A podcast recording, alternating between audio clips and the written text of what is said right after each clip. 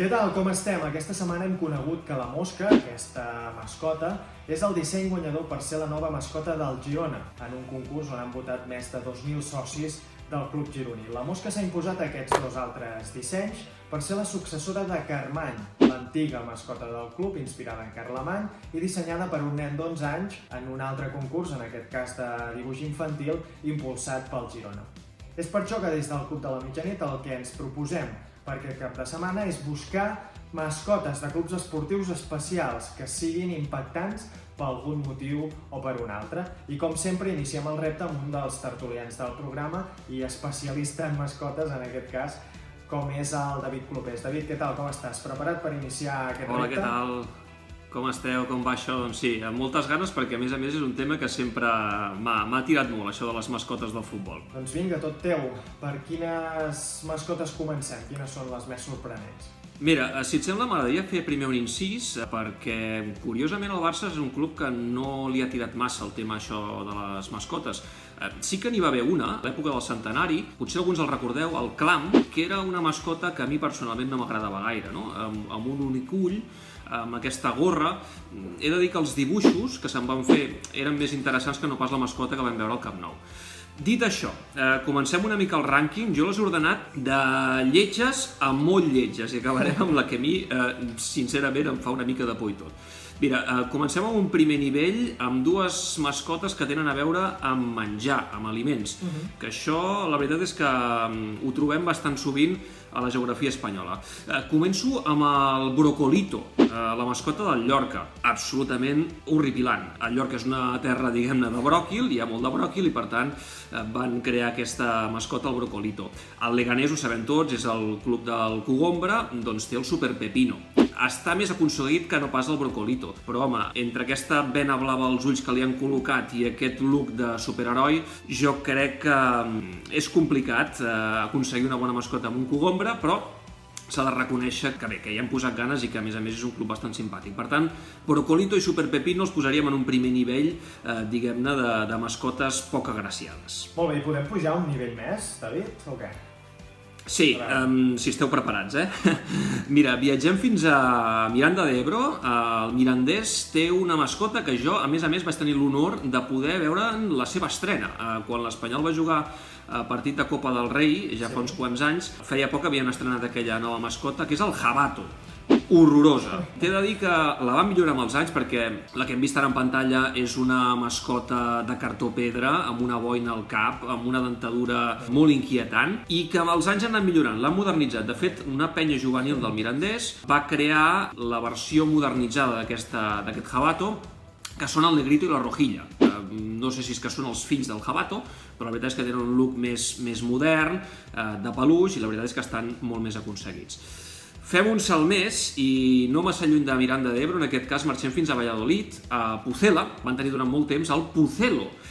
Bé, el Pucelo és difícil de definir. En principi, torre, podríem això? dir que és, sí, una torre, una torre. Um, el que passa que és una torre que té, diguem-ne, unes faccions bastant curioses i que a mi personalment no m'agrada gens. Amb aquest uh, look uh, blanc i violeta del, del Valladolid, la veritat és que a mi no m'agrada gaire. Uh, T'he de dir que uh, va fer nota de premsa, el Pucelo, el dia que es va retirar, quan se'n van adonar a Valladolid que aquesta mascota, doncs la veritat és que ja no, no els hi funcionava gaire, van decidir retirar-la i el Pucelo va fer una, una nota de premsa on explicava que li havia arribat el moment de retirar-se. I en el seu lloc va arribar Pepe Zorrillo, eh, que és una mascota molt més eh, agraciada, eh, aquesta guineu amb els colors de Valladolid, amb aquest look agressiu, que, home, millora i molt eh, el look de, de Pucelo. Una mica més moderna, no?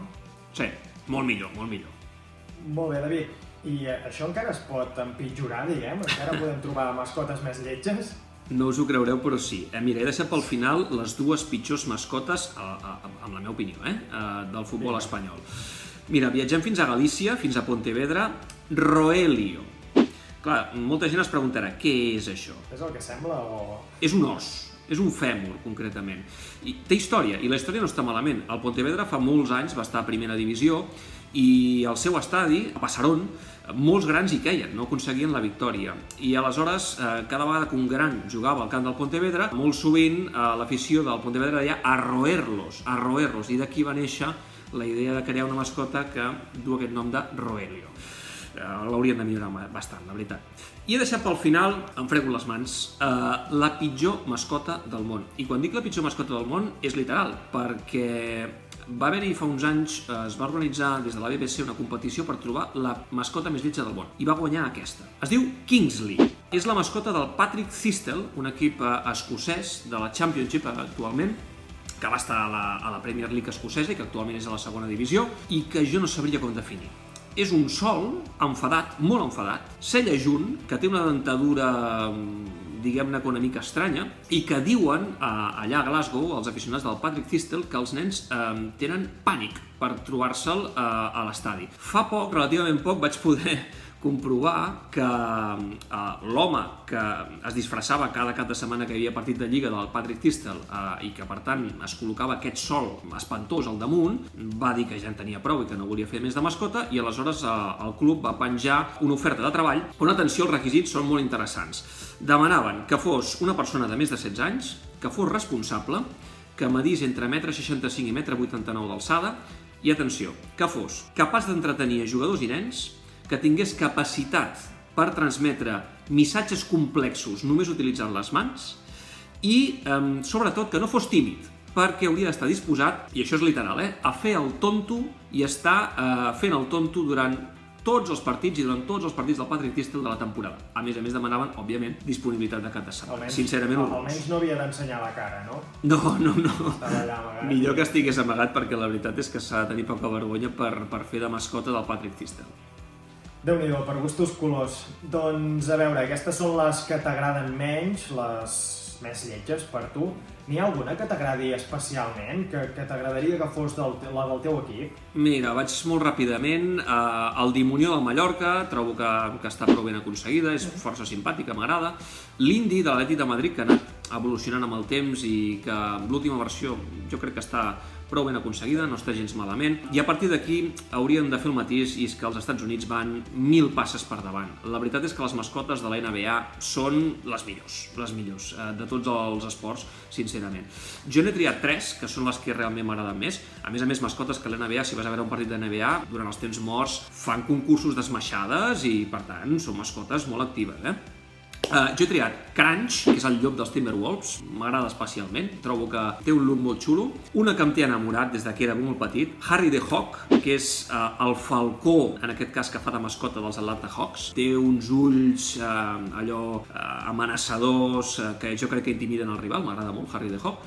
I he deixat pel final la millor mascota per mi, que és la mascota dels actuals campions de l'NBA. És The Raptor. The Raptor és un velociraptor, és la mascota dels Toronto Raptors, que du per cert, el dorsal 95, que és l'any de fundació dels Toronto Raptors, i no sé, eh, potser és perquè m'agraden els dinosaures, però aquest Velociraptor trobo que està molt ben aconseguit i per tant els Toronto tenen per mi la millor mascota del món. Molt bé, doncs el David Clopés ens ha fet una radiografia de moltes mascotes. Vosaltres, si voleu aportar les vostres propostes, ja ho sabeu, com cada setmana, ens deixeu un missatge aquí sota i nosaltres doncs, coneixerem noves mascotes que segur que en aquests moments desconeixem. David, moltes gràcies. Adéu-siau, fins la propera. Vinga, adéu.